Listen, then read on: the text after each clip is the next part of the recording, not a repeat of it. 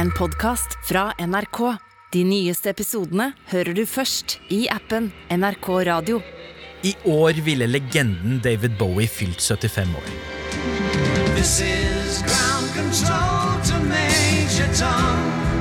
Og 2022 markerer også 50-årsjubileet til hans store gjennombrudd. Karrieren hans var ikke bare lang, men også veldig variert, og gjenspeiler en person som ikke var redd for å utforske og utvikle artisten som konsept. For de ulike periodene i musikken hans ble presentert av de mange forskjellige karakterene han skapte, slik at han selv ble som et lerret i sin egen kunst. Men hvordan var det egentlig David Bowie iscenesatte seg gjennom alle disse forskjellige alter egoene sine? Og hvorfor gjorde han det?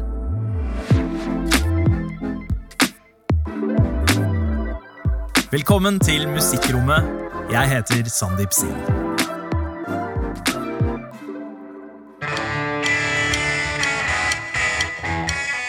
David Bowie er musikeren som du kan ta hele diskografien fra, og han vil likevel bli stående som en definerende artist og et ikon i pophistorien, vil jeg påstå. Torkil Risan er journalist i NRK Kultur.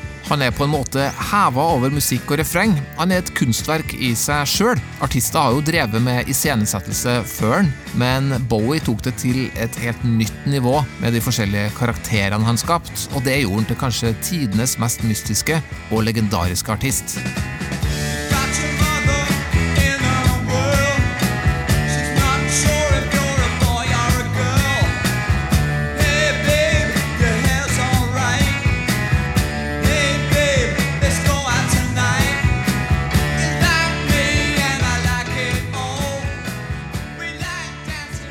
Musikken hans er jo også the stuff of legends. Altså, Ikke bare kjenner alle den igjen, men den har jo hatt en enorm impact på andre musikere også. Ja, og i hvilken som helst sammenheng der det spilles en låt av David Bowie, så heves stemninga og opplevelsen. I hvert fall for meg. Om det så er i rørende filmscener, TV-serier eller bare ute i byen på bar. Altså, Musikken han lagde, tåler virkelig tidens tann og blir aldri utdatert. Han var en renessansemann som alltid var åpen for både ny teknologi og nye kunstuttrykk, og evna også å løfte et hakk videre. Men for å finne ut hvordan han ble denne musikalske legenden, så må vi gå grundig til verks og tilbake til starten.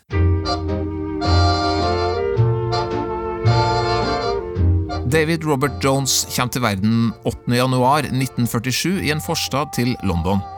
Foreldrene hans er ikke de mest kjærlige, verken overfor hverandre eller han. Og David sjøl viser seg tidlig å være et litt annerledes barn, for han har ikke så mye sans for Ole Brumm, Donald Duck eller eh, andre ting barn på den tida elsker. Det som derimot vekker interessen hans, det er malerier og ikke minst musikk. Ja, For når han begynner på skolen, blir han med i et guttekor og utmerker seg på blokkfløyta. Men kjærligheten hans for musikk skal bli enda større. For pappa John kommer hjem med vinylplater med artister som Chuck Berry, Elvis Presley og Fats Domino. Og det er særlig én låt som gjør at åtte år gamle David ser lyset såpass at han mener det må være Gud han hører. She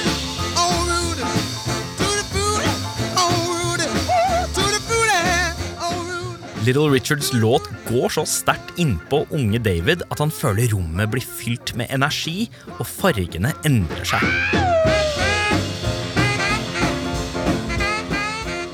Fra nå av drømmer han om å bli en artist som Little Richard. Eller i det minste få et instrument så han kan få plass i blåserekka til helten sin. Det er derimot lite oppmuntring å få fra foreldrene. Pappa John og mamma Peggy er distansert og kald, for de har blitt oppslukt av et nytt revolusjonerende medium. Ja, For familien Jones fikk den supermoderne TV-en i hus veldig tidlig, fordi foreldrene ville se kroningen av dronning Elisabeth 2. noen år før. Inspiring strains of music and a vast and varied congregation of guests await the Queen as she passes up the nave of the great cathedral.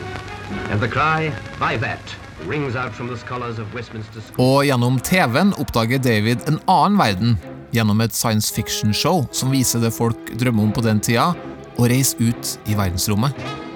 David syns denne fremstillinga av romreiser til fjerne planeter og astronauter som blir borte etter møtet med aliens, er kjempeskummelt, men elsker likevel å se på det. Og interessen for space blir større når lille David oppdager en bok der hovedpersonen deler etternavn med ham. Starman Jones handler om en ung bondegutt som vil reise til stjernene, og etter hvert få jobb på et romskip. Men livet i forstaden er kjedelig, for den nye TV-en har ikke bare oppsida. Foreldrene til David har blitt TV-slaver. De stirrer så mye på skjermen at David blir lei av dem og sier til en venn at han ønsker seg vekk fra dem. Heldigvis da for David så har han en eldre halvbror, Terry. Det uønska barnet til moren som hun fikk utenfor ekteskap ti år før David ble født. Terry får ikke bo hos dem, men kommer ofte på besøk og introduserer lille David for musikken til de mer eksperimentelle musikerne Charles Mingus, Eric Dolphy og John Coltrane. Jazzmusikerne spiller mye mer avansert musikk enn det han har hørt på tidligere, og entusiasmen hans for særlig Coltrane er så stor at når han er 14 år, får han sin etterlengta saksofon til jul av foreldrene. Nå drømmer han om å bli enten jazzmusiker eller rockestjerne. Men rundt samme tid er det en annen hendelse som skal ha konsekvenser for ham resten av livet. For når David og bestevenn George blir interessert i samme jente, blir uenigheten om hvem som skal få be jenta på date, så stor at George kjører knyttneven i ansiktet på David, og skader nok verre enn han hadde eh, tenkt. Ja, for George treffer vennen sin på en måte som gjør at David nesten blir blind på det venstre øyet. Og pupillen utvider seg såpass mye at det fra nå av ser ut som at øynene til David har ulike farger. Men på tross av dramatikken forblir de venner. Og etter at David har spilt både saks og sunget i et band og gitt ut sin første singel, så starter han og George et nytt band sammen som bærer navnet hans, Davy Jones and the King Bees.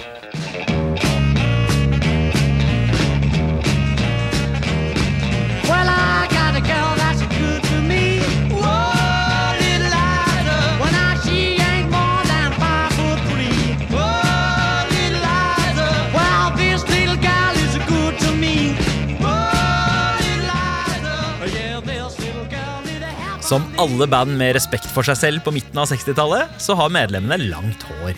David har en blond manke som er relativt imponerende, men også provoserende for mange på denne tida. Så han starter foreninga Society for the Prevention of Cruelty to Long-Haired Men, og blir til og med invitert til BBC for å forsvare hårpryden sin. A 17 year old Davy Jones has just founded the Society for the Prevention of Cruelty to Long Haired Men. Now, exactly who's being cruel to you? Well, I think we're all fairly tolerant, but for the last two years we've had uh, comments like darling and uh, can I carry a handbag thrown at us. I think it's just had to stop now. We don't see why should, other people should persecute us because of this. Utover tenårene begynner David på kunstskole, og får samtidig mye spennende input fra storebror Terry.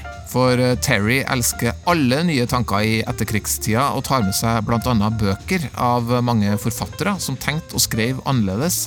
Og dem som gjorde mest inntrykk, det var beatforfatterne William Burroughs og Jack Kerouac. Sistnevntes bok, On the Road, om å leve som en nomade, går rett hjem hos David. Og ikke bare det, Terry introduserer også David for mørkere materie, som svart magi og det okkulte. Men en kveld i 1966 er rollene deres snudd. Det er David som skal introdusere Terry for noe nytt, og ta med på hans aller første rockekonsert, med bandet Cream. Og da skjer det noe som skal prege dem begge resten av livet. For eh, inn på konserten begynner Terry å føle seg dårlig, så de går ut, og når brødrene står på fortauet utafor lokalet, opplever Terry plutselig noe veldig skremmende.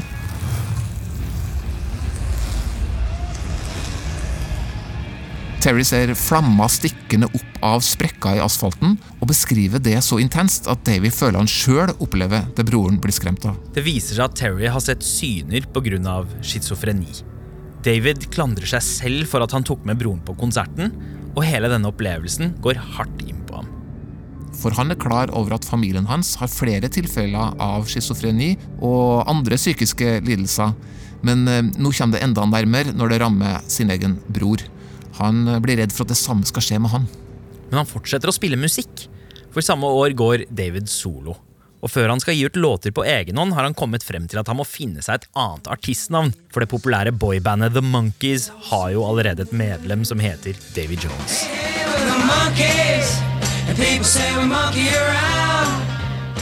Så vår David Jones begynner å teste ut nye fornavn, men ett av dem viser seg å være en dårlig idé, for eh, rundt denne tida så er det en annen musiker som slår igjen med akkurat det navnet, Tom Jones. Så da leker han seg heller med etternavnet, og til slutt blir han inspirert av mannen som annet er opphavet til et jaktredskap, Bowie-kniven. 1.6.1967 slipper David ut sitt selvtitulerte album med sitt nye navn, David Bowie.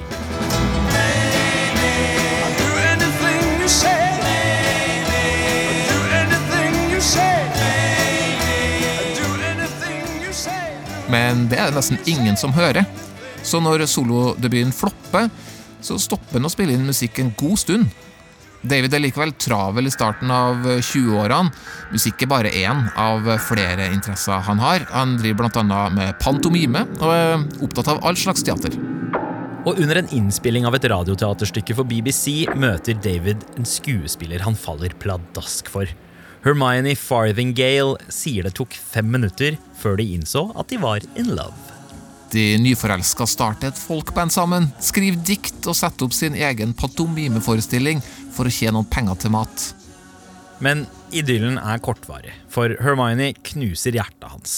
Vinteren 1969 forlater hun ham for å dra til Norge for å spille inn en filmatisering av operetten Song of Norway med musikk av Edvard Grieg. David reagerer med å skrive et brev til henne som han ikke sender. Han tar det heller med til studio, og resultatet blir låta Letter to Hermione. I care for no one else but you. I tear my soul to cease the pain.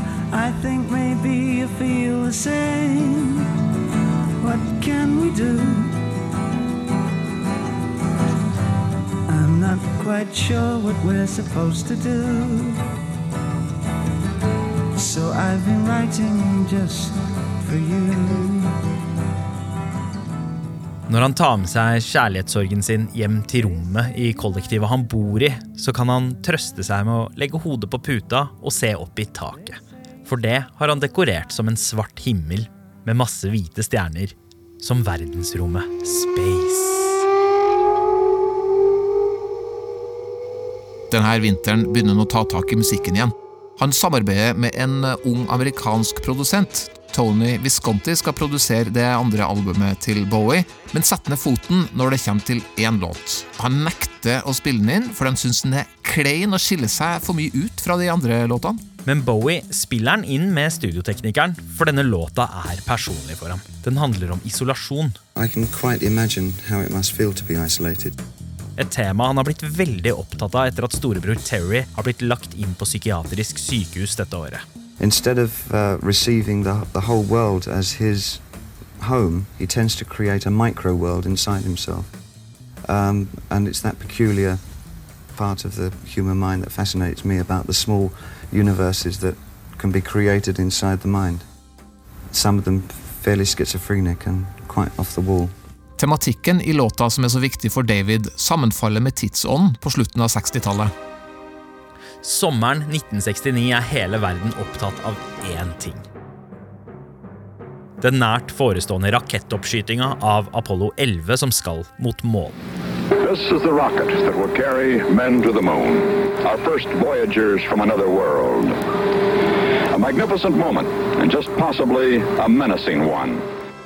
Og plateselskapet til Bowie har hastverk med å få ut hans nye singel i tide. Ja, for Bowie sin nye låt handler jo om det isolerte livet i en blikkboks i verdensrommet. Og ni dager før mennesket setter sin fot på månen, kommer låta Space Oddity. Nå blir vi også introdusert for Bowies første karakter i musikken, astronauten Major Tom. Ground control to Major Tom. Ground control to Major Tom.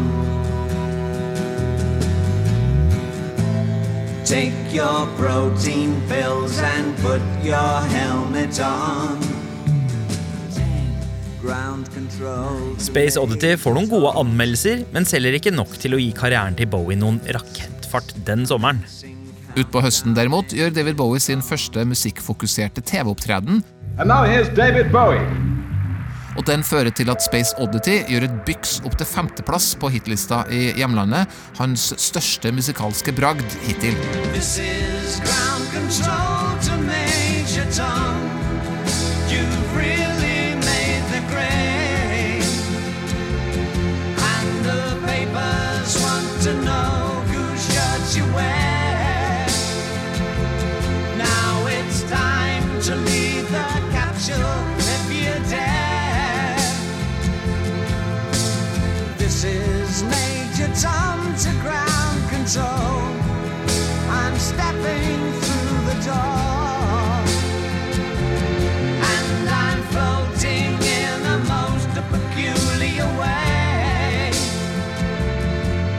the stars look very different today. Og Samtidig slipper Bowie ut sitt andre album. Men til forskjell fra Space Oddity er alle de andre låtene på plata streite, folkaktige sanger. Så han ender foreløpig opp med å bli en one hit wonder. David, the record that you have in uh, Charleston at the moment is undoubtedly your biggest success today, isn't it? My only success today. På starten av 1970 gifter David Bowie seg med Angie etter et års dating, men er likevel deppa. For han har ikke slått gjennom som musiker, sånn som han har drømt om, og vet ikke helt hva som skal til for å gjøre det heller. Men han spiller inn et tredje album, der tekstene handler om paranoia, schizofreni og vrangforestillinger. Plata The Man Who Sold the World blir illustrert med en tegning av mentalsykehuset Kane Hill, der halvbroren Terry er innlagt. Day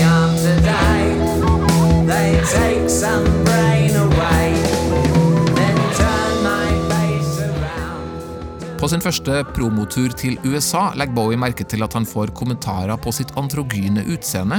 Folk sammenligner han med skuespilleren Lauren Bacall, og det forsterkes også av at han kler den lange, tynne kroppen sin i damekjoler. Og når han ankommer New York høsten 1971, oppsøker han den innflytelsesrike popkunstneren Andy Warhol for å spille den nye låta han har skrevet om ham. Andy Warhol looks a scream, hang him on my wall. Andy Warhol, silver screen, can't tell them apart at all. Han får også sett bandet Warhol er kreativ leder for, The Velvet Underground. Samtidig ser han et annet band han digger, The Stooges, og David innleder et betydningsfullt vennskap med vokalisten Iggy Pop.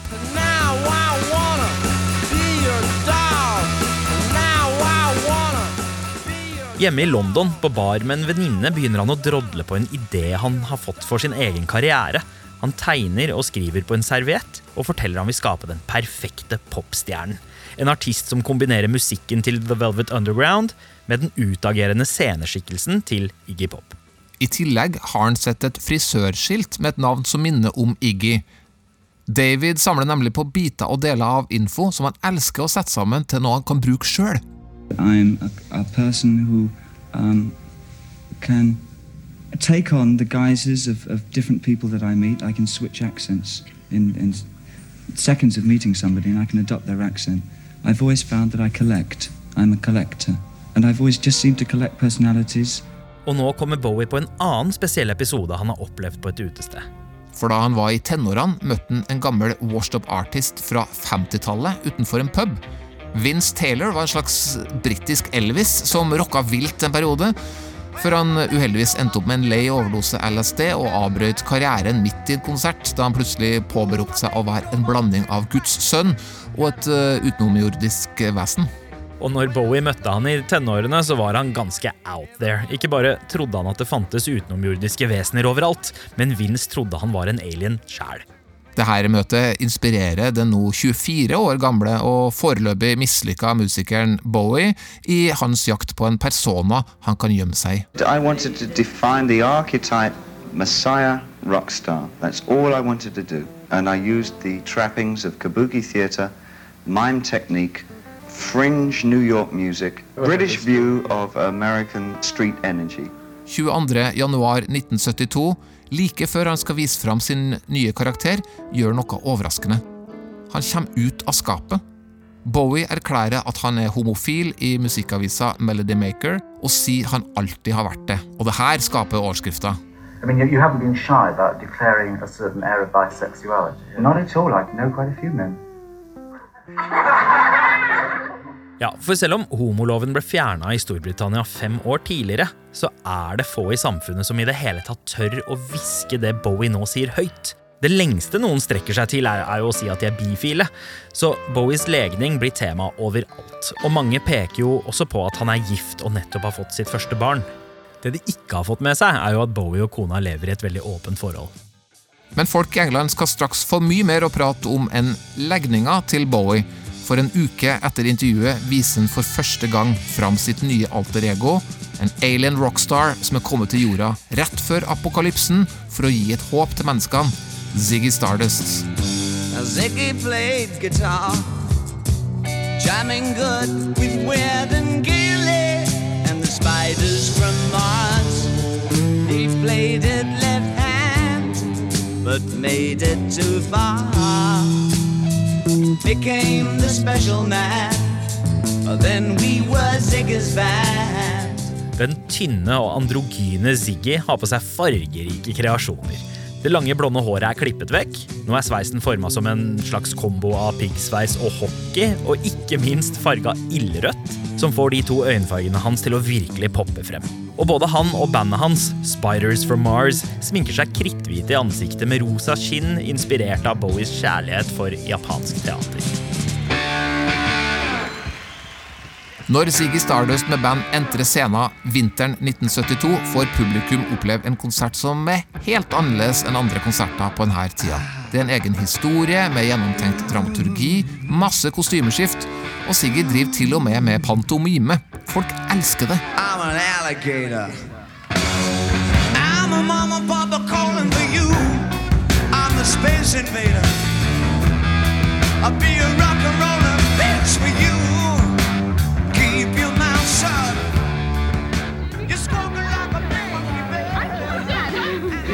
Little legs.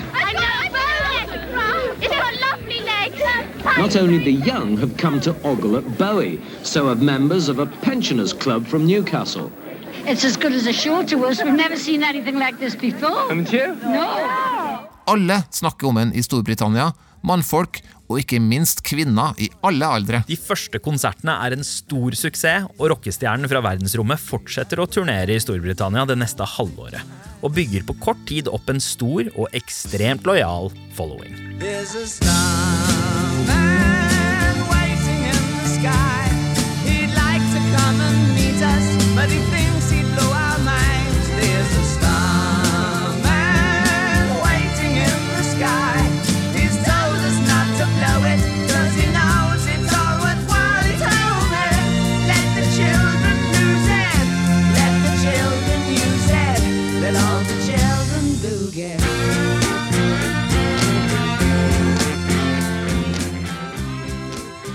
Våren 1972 slippes eh, singelen som bærer navnet på boka han leste som barn, Starman. Og 16. juni samme år kommer albumet The Rise and Fall of Ziggy Stardust and The Spiders from Mars, som av musikkpressen og fansen blir kalt det ultimate eksempelet på glamrock. Men populariteten til Ziggy skal straks bli enda større. For en måned etter kommer Ziggy Stardust helt inn i stuene til det britiske folk når han opptrer på TV-showet Top of the Pops. To phone someone, so I picked on you. Hey, that's far out. So you Det øyeblikket han synger You, gjør noe få briter har opplevd før. Han peker på kamera og blunker til dem som ser på. Det her, som blir kalt å bryte den fjerde veggen, skal aldri ha blitt gjort før i britisk TV-historie.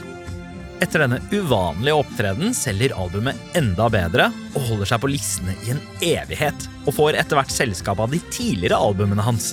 På et tidspunkt er alle de fem platene han har gitt ut, på topp 40 i Storbritannia. David Bowie er endelig blitt en rockestjerne. Han måtte bare skifte utseende og navn til Ziggy Stardust for å bli det.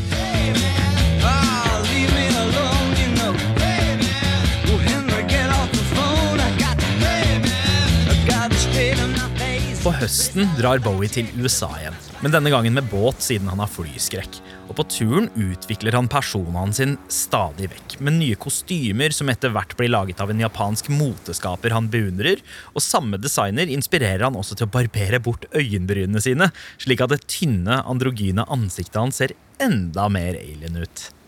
Siggy Stardust og Spiders from Mars oppdager etter hvert at de ikke har noen problemer med å selge ut de største konsertarenaene i storbyene i USA, men i de mindre byene så er de på langt nær så populære. I Texas blir han til og med trua på livet med hagle mot hodet.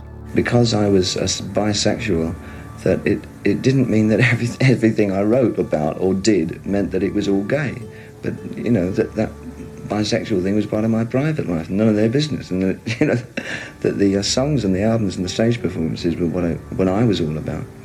That was the hardest problem I had in the States. Bowie selv synes USA er vilt fascinerende. Han avskyr den amerikanske kulturen, men blir samtidig tiltrukket av landet. Han og bandet fortsetter turneen sin til andre deler av verden, og drar bl.a. til Japan med båt, før hele gjengen tar den transsibirske jernbanen tilbake til Europa for å ha flere store konserter i hjemlandet.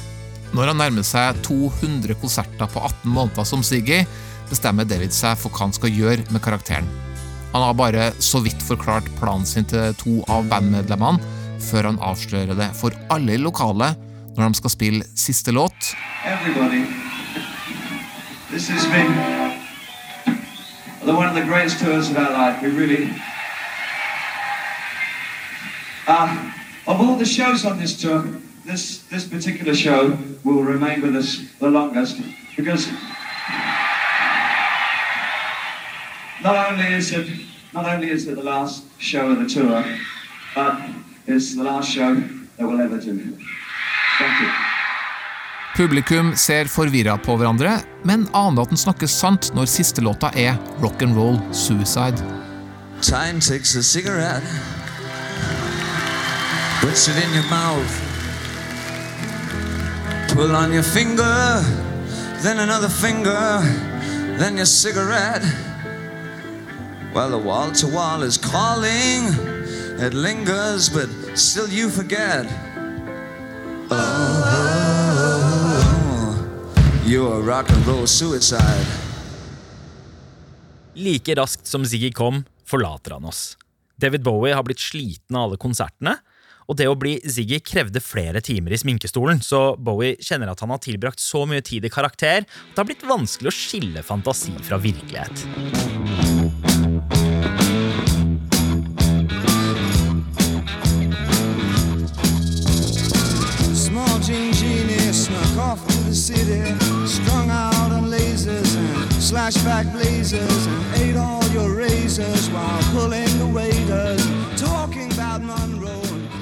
Ziggy er død, men Bowie har allerede utvikla en ny karakter basert på han.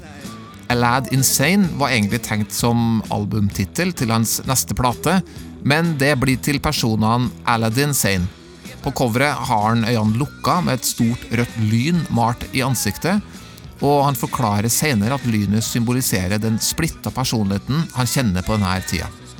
Yes, I had a kind of a kind of strange psychosomatic death wish thing, I think. But that's because I was so lost in Ziggy, I think, again. Året etter, i 1974, flytter Bowie fra Storbritannia.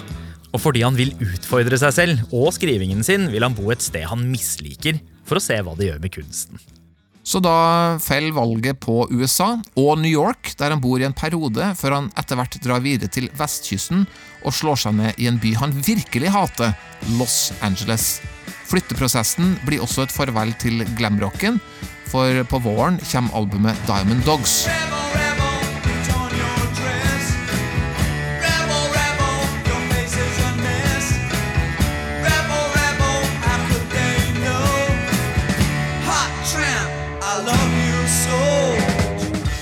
Rocken, som nå har innslag av mer soul og funk, blir starten på et nytt kapittel i livet hans. Albumet blir jo også introduksjonen av nok en karakter, Halloween Jack. Og denne personen er ikke så langt unna Ziggy og Aladdin Sane utseendemessig. Han har bare erstatta lynet i panna med en svart lapp over det ene øyet. Men på denne tida er begge neseborene til Bowie vidåpne. Og det blir ekstra tydelig at han har utvikla en stor appetitt for kokain når han besøker talkshow i USA. Welcome. Nice to see you. Thank you. I, uh, what happened? Um, Is the offstage Bowie, um... We'll take a break right now for a message that will be back. For eh, mens han fordyper seg i de amerikanske musikktradisjonene og begynner å spille med drevne sessionmusikere innen soul og funk, fortsetter han å fylle på med kunstig stimuli. Suddenly, Bowie is back, but it's Bowie like never before. Washington. Her breadwinner begs off the bathroom floor. We lived for just these 20 years. Do we have to die for the 50 more? David Bowie, happening now on his new album Young Americans on RCA Records and Tape.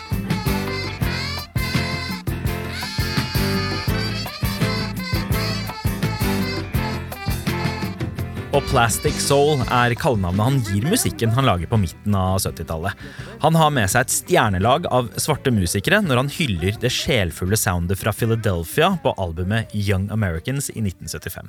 Og med den eh, plata bygger en bro mellom svarte og hvite i USA, når han blir den andre hvite artisten i historien som får være med på det svarte TV-showet Soul Train. Med funklåta Fame får Bowie seg endelig en nummer én hit i USA.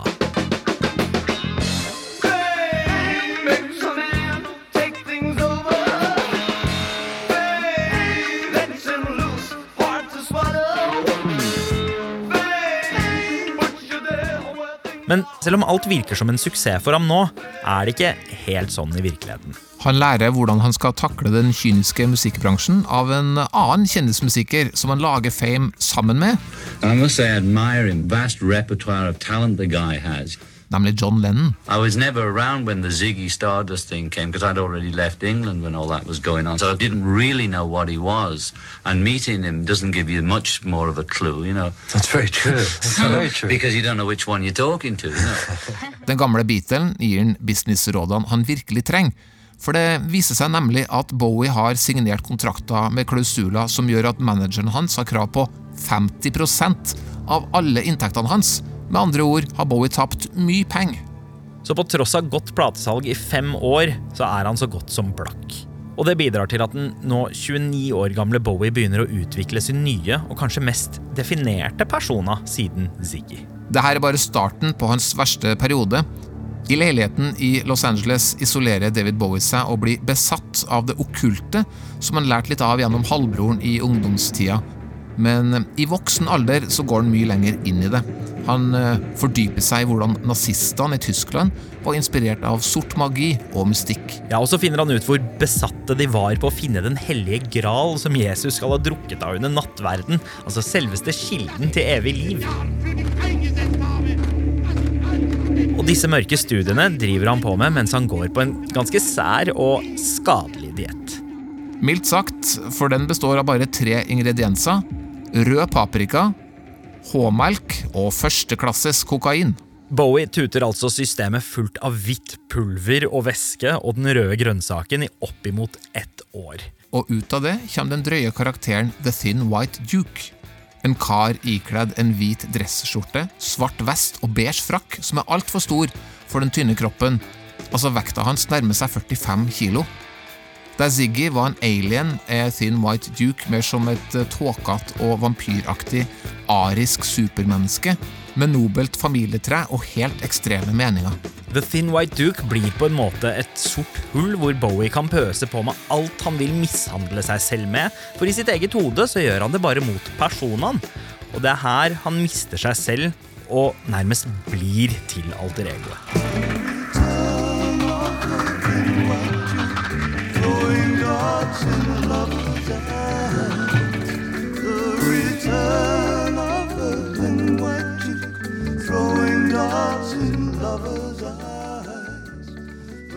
Bowie ender opp med å kjøre seg sjøl så hardt i grøfta at han høres ut som en annen person.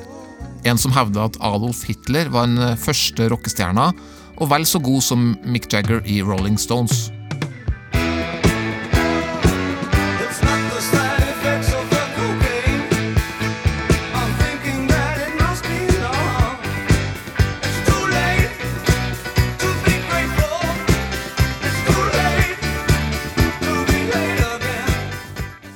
Drar det så langt at han i et intervju med musikkavisen NMI sier at han venter på at et diktatur skal komme og fikse den vestlige delen av verden, og at høyreekstremister er nødvendige for å rydde opp i samfunnet fra tid til annen. Men eh, det skal bli verre. For når han er hjemom på besøk i London, blir han fotografert med en liten ansamling folk som er ved bilen hans. I sin Mercedes kabriolet står Bowie oppreist mellom setene og holder armen strakt opp mot himmelen med flat hånd. Ikke så ulikt en nazihilsen. Dette er jo bare 30 år etter andre verdenskrig, og skaper naturligvis sterke reaksjoner. Sjøl mener han at bildet ble tatt mens han vinka helt vanlig, men for folk flest så virker det likevel som Bowie har mista det helt. Leken hans med ekstreme karakterer har kanskje gått for langt denne gangen. Likevel, i motsetning til mange musikere som har vært på kjøret, så kom jo faktisk David Bowie utrolig nok opp med et av sine beste album i denne perioden, nemlig Station to Station. There's my baby lost her soul.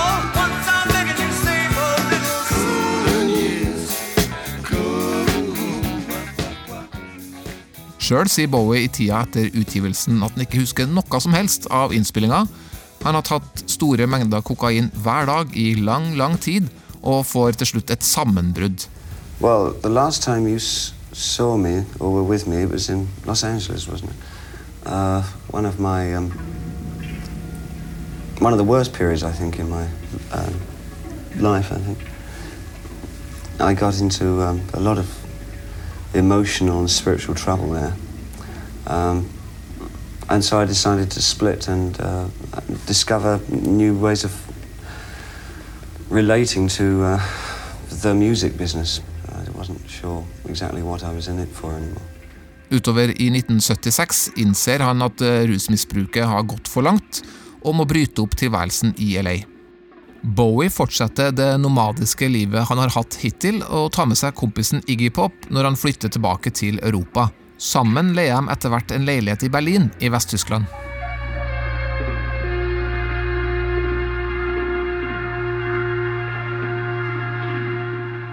Der finner de to narkofrie, men abstinensfylte rockestjerne ut at de har driti seg ut ved å velge Berlin. For det er en belasta by.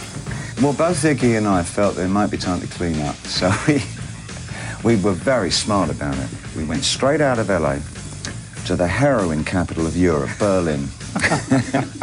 that was the smartest move we made. Um, but you know something? We were totally unaware of that. We had no. Oh, yeah, right. We had Yeah, no. right. I promise you, we had no idea. Men de klarer å styre fristelsen og hjelper hverandre. Og roer abstinensene noen hakk ved å drikke øl på tyske kneiper. Masse øl. Før de starter å lage musikk sammen. Så når Iggy slipper sine første soloalbum, er produsenten ingen ringere enn David Bowie. Til sin egen musikk har Bowie gått tilbake til sin gamle produsent Tony Visconti, som han ikke har samarbeida med siden Ziggy-tida. Og de to slår seg sammen med en annen brite som har flytta til byen. was sort of coming back to Europe, wanted to reevaluate my musical language, and who better to work with, I thought, than Eno. And of course, I, he is a man of language, musical language, and it, it, it's working very well. I found a, a, what I consider a soulmate there. Brian Eno viser Bowie helt andre måter å produsere musikk enn han har gjort før. Blant annet skrur de fra hverandre synthesizere for å skape uvanlige lyder i de nye elektroniske instrumentene. Men han drar også fram den gamle saksofonen.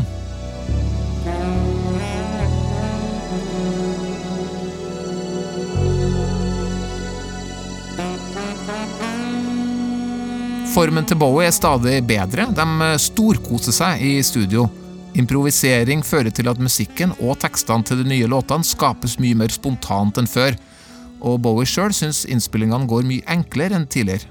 Og albumet de holder på med, viser Bowie fra en ny og leken side, der han på flere spor dropper mikrofonen og går instrumentalt.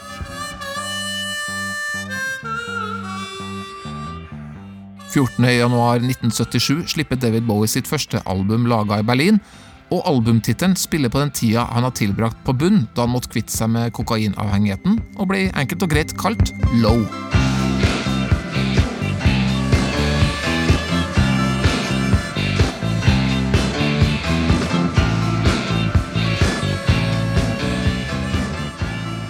Low er en overraskende suksess, så Bowie fortsetter å jobbe med musikken sin i samme retning etter plateslippet. Men utenfor studio, når de trekker frisk luft, er utsikten alt annet enn oppløftende. For det gigantiske mursteinsbygget som Hansa Thon Studios ligger i, befinner seg i Kreuzberg, bare 500 meter fra den splittende muren som går gjennom hele Berlin, og skiller øst fra vest. Um, people under the impression that everything might collapse very quickly. And people are very serious there and don't care too much for fli- flippancy. It's, it's uh, a very tight life there, surrounded by a wall with machine guns, which is ever coming in on you. The more you live there, the longer you live there, the more it comes in. And the wall by the end feels as though it's right around the apartment or house that you're staying in. Bowie og musikerne er konstant klar over hvor de befinner seg. For på deres side i Vesten er livet ganske likt resten av Europa, mens på den andre sida, i det sovjetkontrollerte Øst-Berlin, er det mye fattigere kår. Så han får en daglig påminnelse om den kalde krigen. Og bare ti måneder etter Low kommer det andre albumet dette året, Heroes. Der eh, tittellåta handler om et par som elsker hverandre, men er på hver sin side av Berlinmuren. I will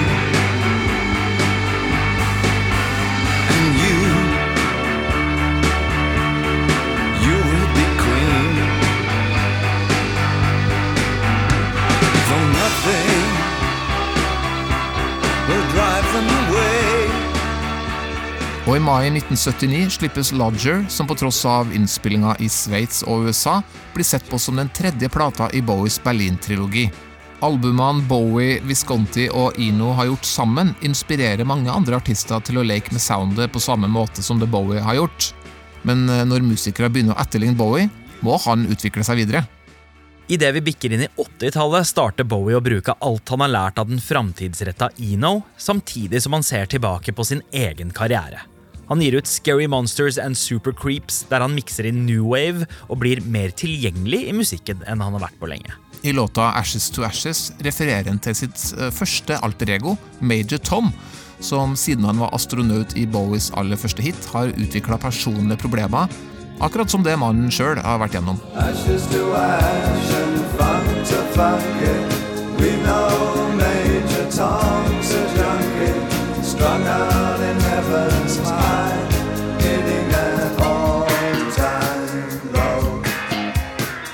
fans legger merke til at de tydelige personene de har blitt vant til å se ham spille ut i offentligheten, ikke lenger er så tydelige. Nå begynner de å lure på om dette er den faktiske David Bowie. I think that it's not at all mystifying why you change your appearance as often as you do, to my view, by the way, because I think you've used yourself as, as a canvas. Yes, very much so. Is that right? Yes, very much so. I, I never wanted to appear as myself on stage ever at any time until recently, I think. So I, um, as I did write in character form, I wanted to produce those characters on stage, which is something I feel I did quite successfully at the time. Samtidig har journalister fått med seg at Bowie har skilt seg fra Angie. You're having loved someone that heavily is a In, burden. in in love, Uh, I In think love, they're very strong. They're, they're very different. I think they're very different indeed. Loving and Loving being- somebody truly and, and, and uh, wholeheartedly and being in love are two very different conditions. I don't think being in love has anything to do with loving somebody. Flere lurer på om artisten, som har erklært seg som bifil, har funnet plass til en ny kjærlighet. But love, falling in love, is Yeah. different from then going on to love that person. Yes, it is. Yes. And once you love somebody Yeah. a lot, it means that you've got to share your life with them. You, as an artist, would have to give up quite a lot of your time to them. Yes, and I can't do that. That's what I was wondering, whether you do, no. you do that. No, love can't get quite in my way because it, I feel um, I shelter myself from it incredibly. Bowie har bare ett fokus kunsten. Men fansen, som har blitt vant til at kunsten hans resulterer i et nytt album i året, opplever nå at det ikke dukker opp noe nytt verken i 1981 eller 1982. Bortsett fra et samarbeid han gjør med det superpopulære bandet Queen. Og den låta de gjør sammen, viser at han tenker litt mer kommers enn før. Pushing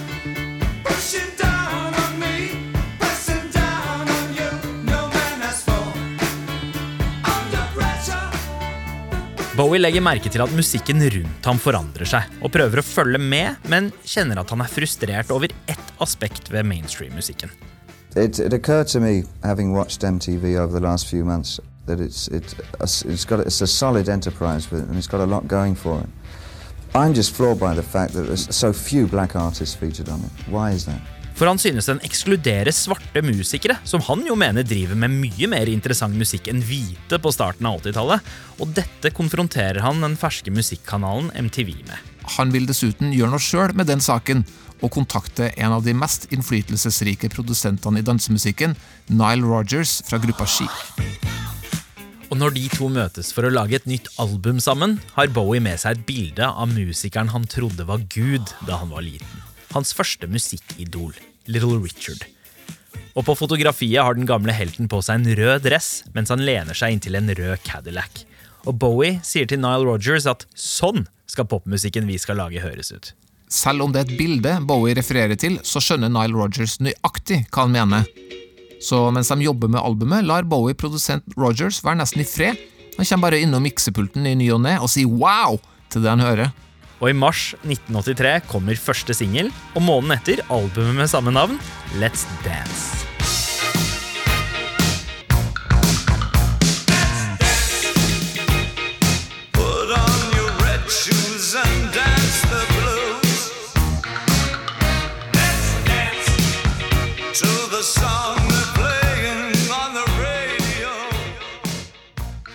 Herre låta blir David Bowie en av verdens aller mest populære artister for første gang i karrieren. Han har vært viktig for mange, men fanbasen hans har hele tida ligna mer en kult enn de vanlige fanskarene til de største artistene på denne tida. Men nå er han plutselig på toppen.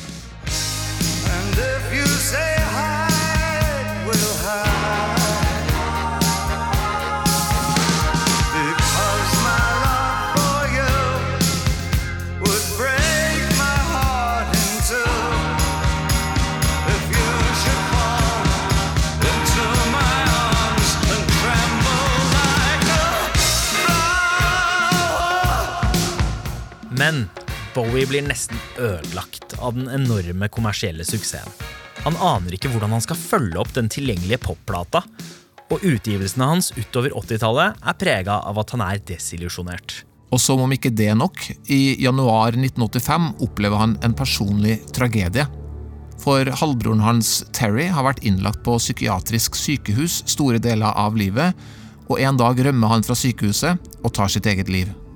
Bowie er i sorg, samtidig som han er på høyden av berømmelsen. Og i Storbritannia er paparazziene nådeløse, og han tenker at de vil følge hvert minste lille steg han tar.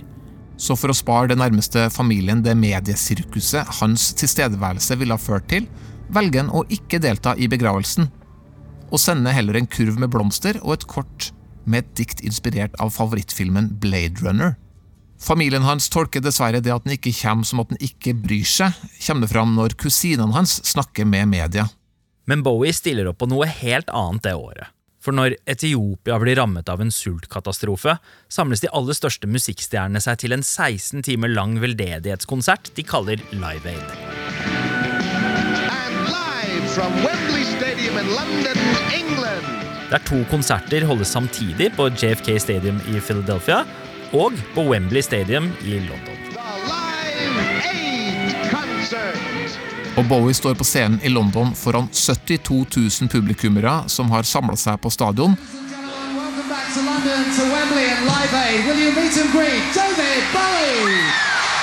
Men enda flere har samla seg foran TV-skjermen. For konserten blir kringkasta verden over og når 1,5 milliard mennesker. Vil si hvert tredje menneske på kloden i 1985. Likevel er det en annen konsert han kommer til å holde høyere enn noen andre. For to år senere, nærmere bestemt 6. juni 1987, har en enorm folkemengde samla seg i Berlin. Die großen Stars der Rockmusik, die per Westsender längst ihre Fans in der DDR gesammelt haben. David Bowie er tilbake i Vest-Tyskland for å spille en konsert foran Reichstag, Stortinget der.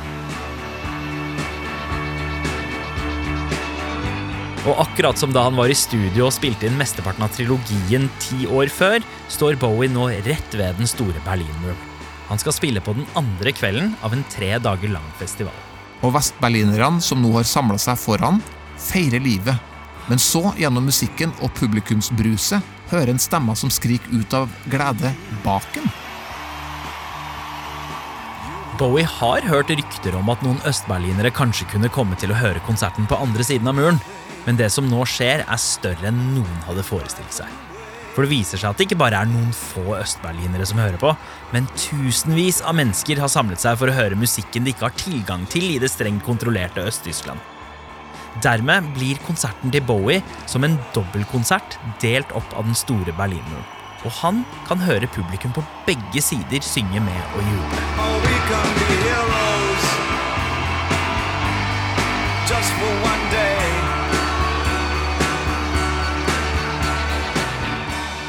Etter konserten sier Bowie at det er det mest rørende liveøyeblikket i karrieren hittil, og at han gråt mens han spilte. Og mange mener Bowies fremføring av Heroes er en historisk hendelse. For konserten blir sendt live på radio i Vesten, og radiosignalene blir også fanget opp i Øst-Tyskland, noe som fører til at enda flere østberlinere møter opp dagen etter. Det var vor allem die massive Präsenz der Staatsmacht, die provozierend wirkte und die Stimmung aufheizen half. Og da stormer politiet området og arresterer 200 publikummere. Så Bowies konsert forent tyskerne for én dag. Og kanskje var det en del av starten på slutten for den oppdelte byen, det siste frøet som måtte bli sådd for at berlinerne skulle reise og kreve sin frihet. For bare to år senere rev de ned muren. Etter 20 år på scenen er Bowie fortsatt en søkende artist. Han har gått fra å være en kultartist til å kjenne på hva det vil si å bli skikkelig populær. Den megastjernen som blir kjent igjen overalt. Karakterene han brukte som forkledning, har han jo lagt vekk én etter én. Men det skal vise seg at David Bowie har én person og én på lur, og når han tar fram den, tar han pusten fra absolutt alle som kjenner historien hans. Og det skal du høre mer om i neste episode av Musikkrommet.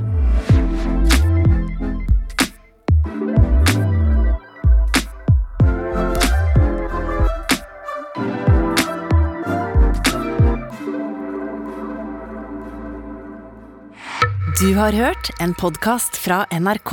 De nyeste episodene og alle radiokanalene hører du i appen NRK Radio.